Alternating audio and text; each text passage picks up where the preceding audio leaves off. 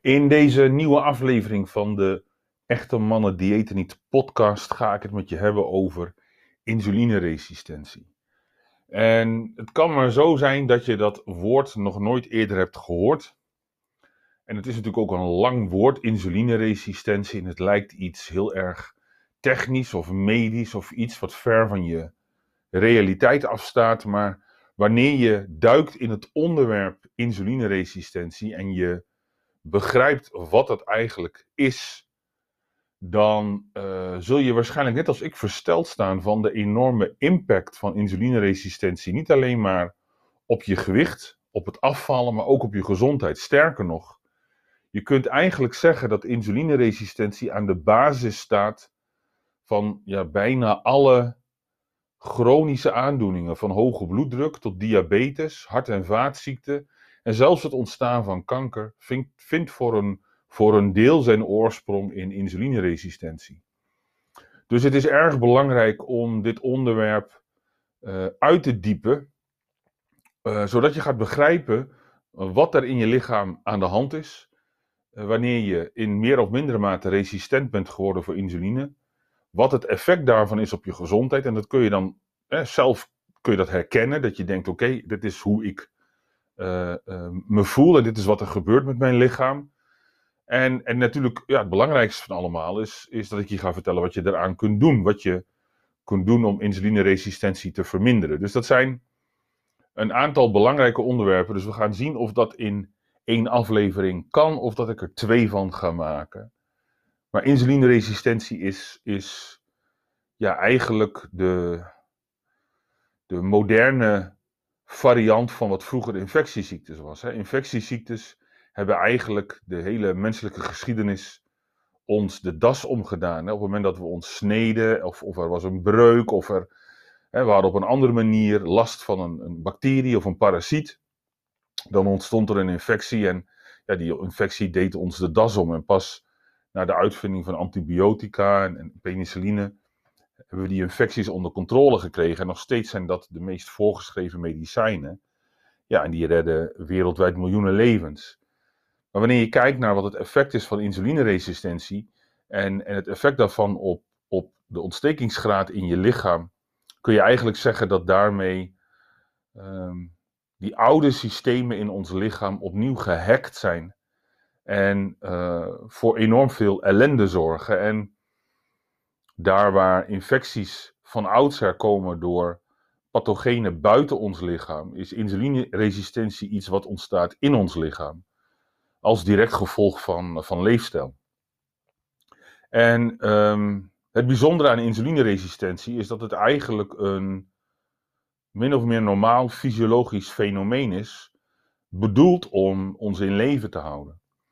Um, het begint allemaal met, uh, met suiker, met, met bloedsuiker. Je hebt een, een, bepaalde hoeveelheid suiker in je bloed circuleren en dat suiker dat, dat doet dienst als brandstof. Primair voor je hersenen. Je hersenen zijn enorm hongerig. Wij hebben grote hersenen.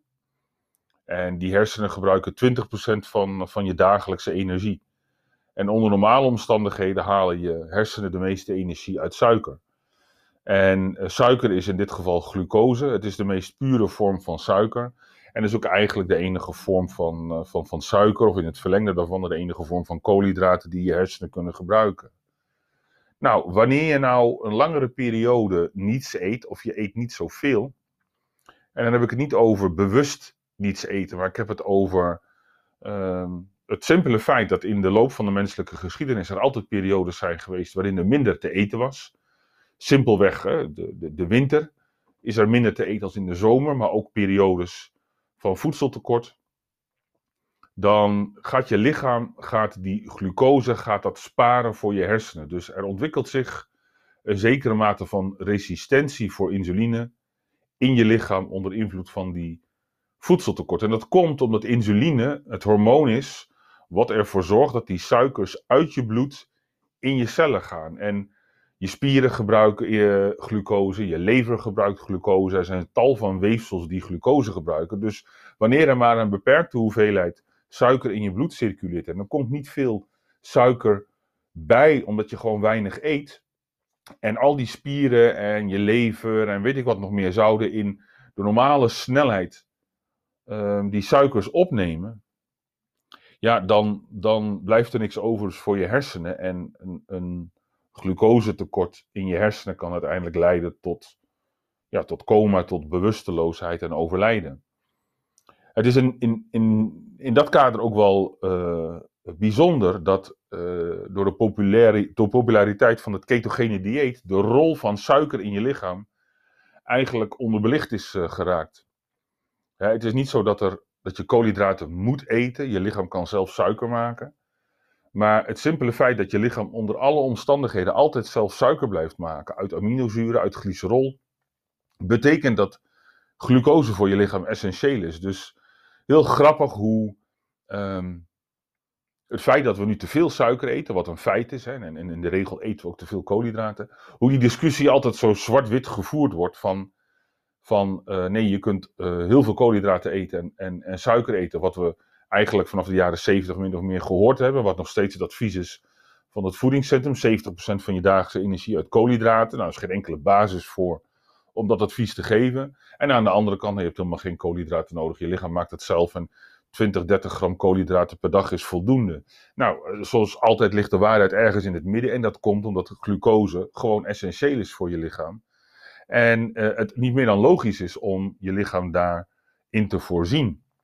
Um, wanneer je dat niet doet, uh, het zij opzettelijk door een dieet te volgen of door uh, gewoon periodes van voedseltekort, dan worden die cellen in je lichaam, met name in je spieren, in je lever, worden wat minder gevoelig voor insuline. Dat betekent dat insuline, wat normaal gesproken een boodschapper is om ervoor te zorgen dat je cellen glucose opnemen, die, die boodschap komt minder goed over.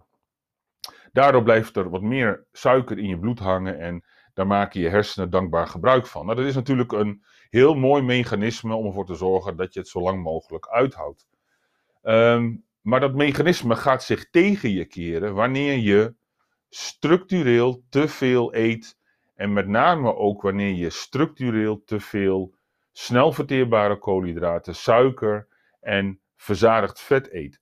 En met name dat verzadigd vet is een belangrijke, want dat wordt vaak onderbelicht in uh, uh, de discussie over insulineresistentie. Er wordt vaak gedacht dat het alleen maar komt doordat je uh, te veel koolhydraten of te veel suiker eet.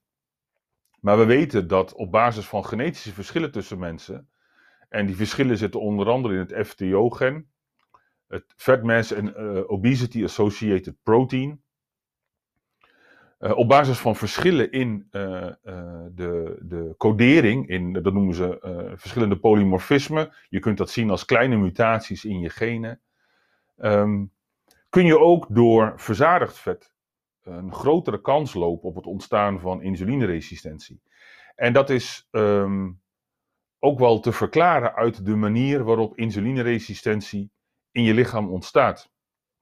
Kijk, wat er gebeurt wanneer je eet, dan, dan, hè, dan worden de, de, de voedingsstoffen die je binnenkrijgt, of de voedsel wat je binnenkrijgt, wordt verteerd. En we kunnen voeding heel erg complex maken, maar voeding bestaat altijd uit drie bestanddelen: eiwitten, koolhydraten en vetten. Dat, dat is het. Ik bedoel, er is nog alcohol, maar als je alcohol even wegdenkt, dan, dan maakt het niet uit wat je eet. Er zit eiwit in, er zit koolhydraten in, of er zit vetten in en meer is er niet.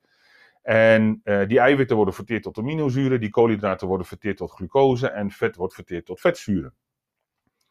Dus dat is eigenlijk heel erg simpel. En um, die aminozuren, die glucose en die vetzuren worden afgegeven aan je bloed. En dat betekent dat het dan in je bloed circuleert en je cellen kunnen daar wat mee. Nou, insuline is een belangrijk hormoon wat door je alvleesklier, uh, de pancreas heet die in, het, uh, in, in, in wetenschappelijke Latijnse termen, door je alvleesklier wordt geproduceerd in respons op de aanwezigheid van met name glucose, maar ook aminozuren in je bloed.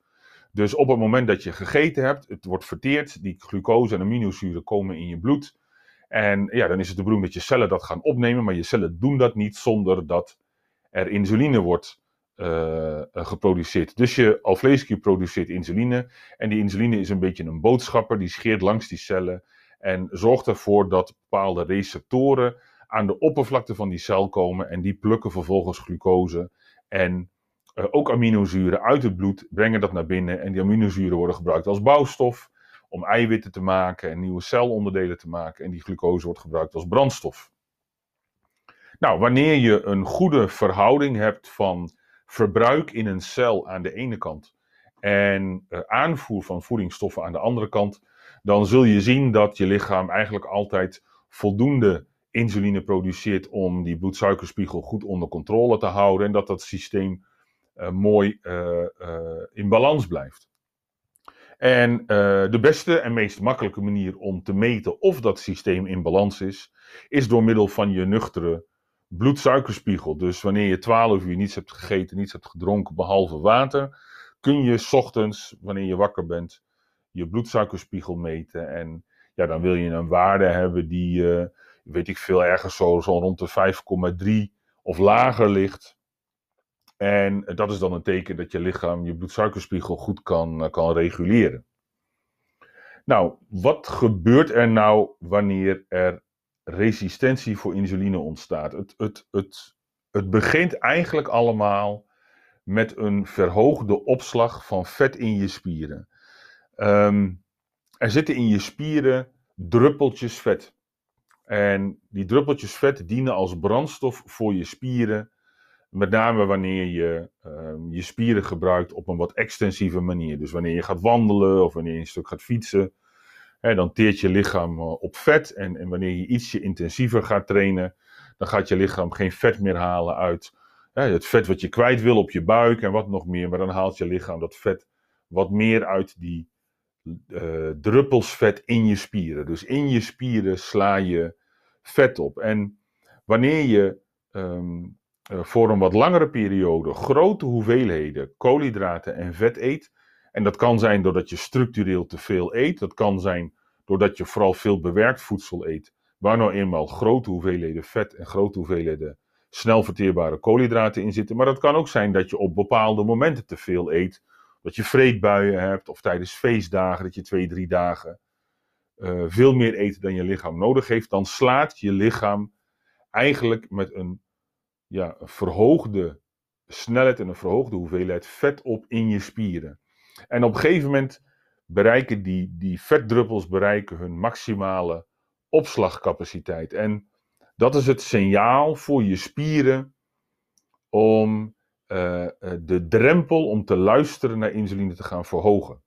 Het betekent dat je spiercellen in eerste instantie en later ook je lever dat die cellen niet meer goed luisteren naar insuline. Dus dat betekent dat wanneer ze eigenlijk helemaal vol zitten, vol met vet en ook vol met glucose, dat die uh, cellen op het moment dat je gegeten hebt en op het moment dat je lichaam insuline produceert en insuline tegen die cellen zegt: hé hey jongens, kom maar op met die receptoren, want ik heb weer uh, glucose.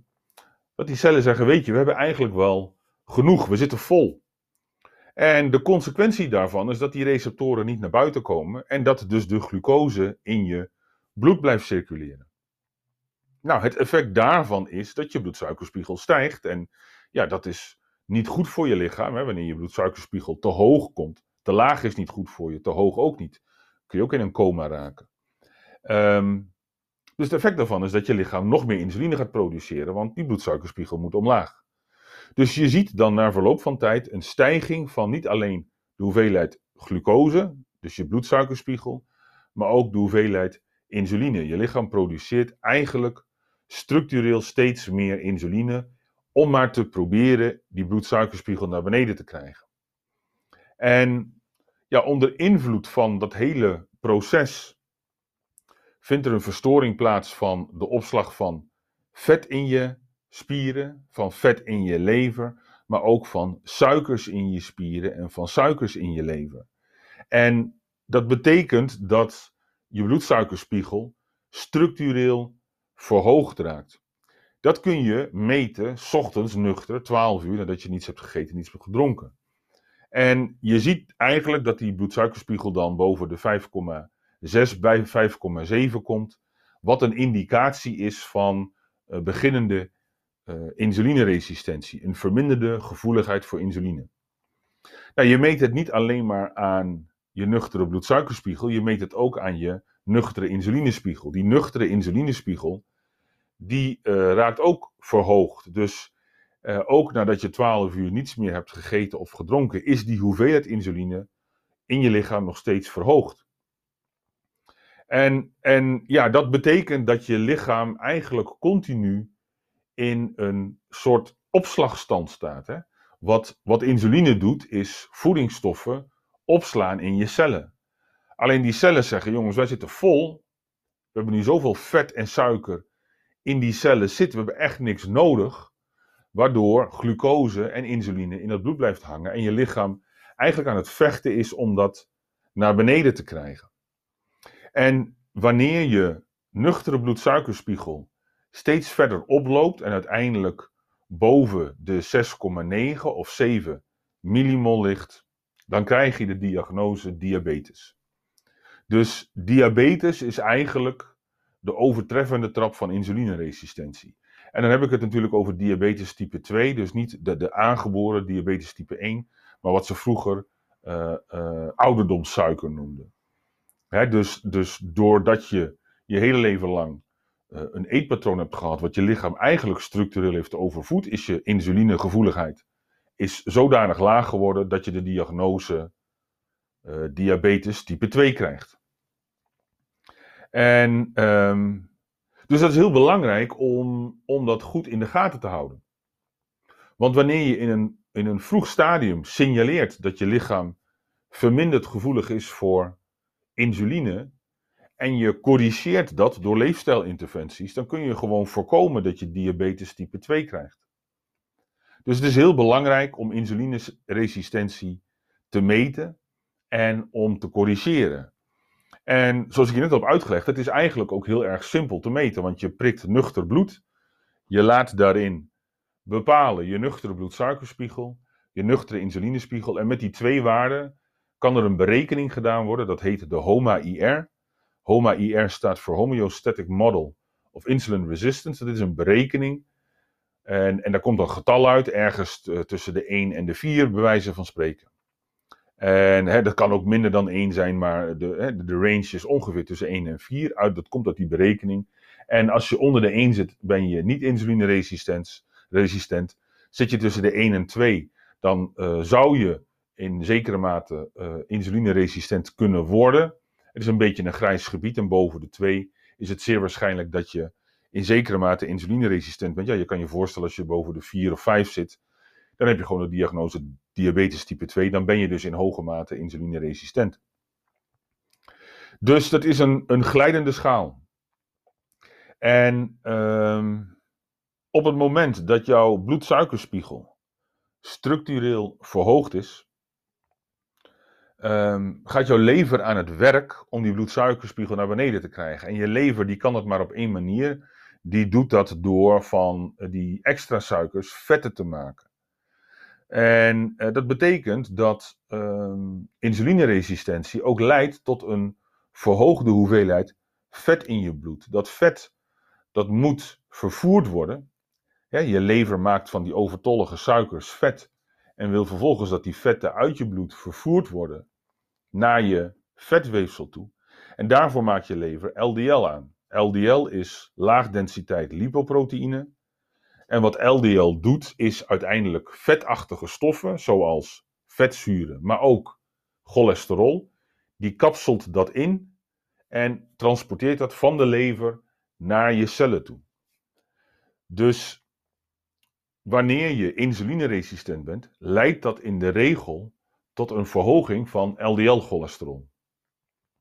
En dat is niet omdat uh, uh, uh, per se je cholesterolgehalte uh, verstoord is. Het heeft ermee te maken dat je lever in een verhoogde mate bezig is met het transporteren van die triglyceriden. En die triglyceriden, die vetten, die zitten ook in die LDL-deeltjes. Dus een verhoogde hoeveelheid LDL zorgt, is een consequentie van insulineresistentie. En wanneer die LDL boven een bepaalde waarde komt, uh, ongeveer 3,5, geeft dat een verhoogde kans op hart- en vaatziekten. Althans, dat is de aanname. Ik zal in een andere podcast iets gaan vertellen over cholesterol. Dus insulineresistentie leidt ook tot een verslechtering van je cholesterol. En belangrijker, en dat wordt vaak over het hoofd gezien, het leidt tot een stijging van de hoeveelheid triglyceriden in je bloed. En veel meer dan enkel LDL-cholesterol is de verhouding triglyceriden en HDL-cholesterol. Dat zijn de hoogdensiteit lipoproteïnes die vetten en cholesterol terugtransporteren van de weefsels uit je bloed terug naar je lever. Die verhouding is eigenlijk een veel belangrijke indicator van je risico op hart- en vaatziekten. En je ziet bij mensen die insulineresistent zijn, dat die triglyceriden omhoog gaan en dat die HDL naar beneden gaat. Om de doodeenvoudige reden dat je lever veel te druk is met het omzetten van suikers in vet en daardoor niet toekomt aan het produceren van voldoende HDL. Dus het is een, een, uh, uh, een optelsom van problemen. Um, insuline heeft de eigenschap om natrium vast te houden. Natrium is een essentiële stof, het is een mineraal. En natrium zit in keukenzout. Keukenzout is natriumchloride. 40% natrium, 60% chloride. En natrium en chloride, dat zijn ionen, dat zijn mineralen die een elektrische puls kunnen overbrengen. En je hebt natrium nodig om je hart te laten kloppen, om je spieren te laten werken. Dus natrium is essentieel voor je lichaam. En insuline houdt natrium vast in je bloed. Dus wanneer de hoeveelheid insuline stijgt, stijgt ook de hoeveelheid natrium in je bloed. Je nieren filteren je bloed en die uh, scheiden een deel van die natrium uit. Maar je nieren bepalen ook hoeveel vocht je uitscheidt. Nou, wat gebeurt er op het moment dat je insulineresistent bent? Dan is er dus een structureel verhoogde hoeveelheid insuline in je bloed. En ook een structureel verhoogde hoeveelheid natrium in je bloed. Immers, insuline houdt natrium vast. Nou, je nieren reguleren die hoeveelheid natrium in je bloed heel precies. Die marge voor je lichaam is heel erg klein. Dus wanneer de concentratie natrium stijgt door insulineresistentie, dan gaan je nieren minder vocht uitscheiden. Je nieren doen dat om op die manier meer bloedvolume te creëren. Wanneer je meer bloedvolume creëert, dan daalt die concentratie natrium. Dus je lichaam gaat vocht vasthouden, hè, je bloedvolume neemt toe om die concentratie natrium naar beneden te krijgen. Je nieren krijgen dat natrium niet naar beneden door meer natrium uit te scheiden, want het is de insuline die die natrium vasthoudt. Dat is een van de functies van insuline. Nou, wanneer je meer bloedvolume krijgt, ja, en jouw vaten worden niet groter, die, die nemen niet toe in omvang, je krijgt er niet in één keer een, een paar meter bloedvaten bij, ja, dan, dan neemt de druk op die vaten neemt toe. Dus insulineresistentie is ook een van de belangrijkste oorzaken van hoge bloeddruk.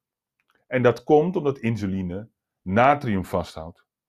En dat heeft als gevolg dat je nieren minder vocht gaan uitscheiden om je bloedvolume te verhogen, om op die manier de concentratie natrium optimaal te houden. Dat betekent dat insulineresistentie de voorbode is van diabetes type 2, van een verhoogde kans op hart- en vaatziekten, met name door verhoging van LDL en verhoging van triglyceriden, en uh, een belangrijke oorzaak is van hoge bloeddruk. Dus het gaat over een heleboel dingen die met je gezondheid te maken hebben. Maar niet in de laatste plaats is insulineresistentie de belangrijkste oorzaak van overgewicht.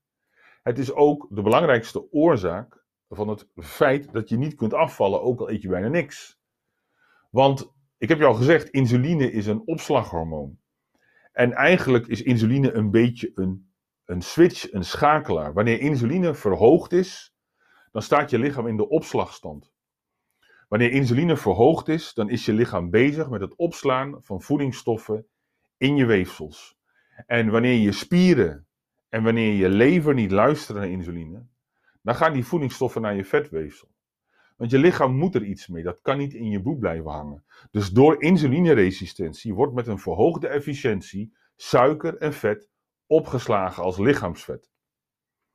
Dus wanneer jij een bepaalde periode een eetpatroon hebt gehad wat niet zo goed voor je is, waarin je gewoon te veel hebt gegeten, te veel vetten, te veel verzadigd vet, te veel koolhydraten, te veel suiker, en je bent, doordat je dat periodiek voor een langere periode, meerdere, jaren achter elkaar, insulineresistent geworden.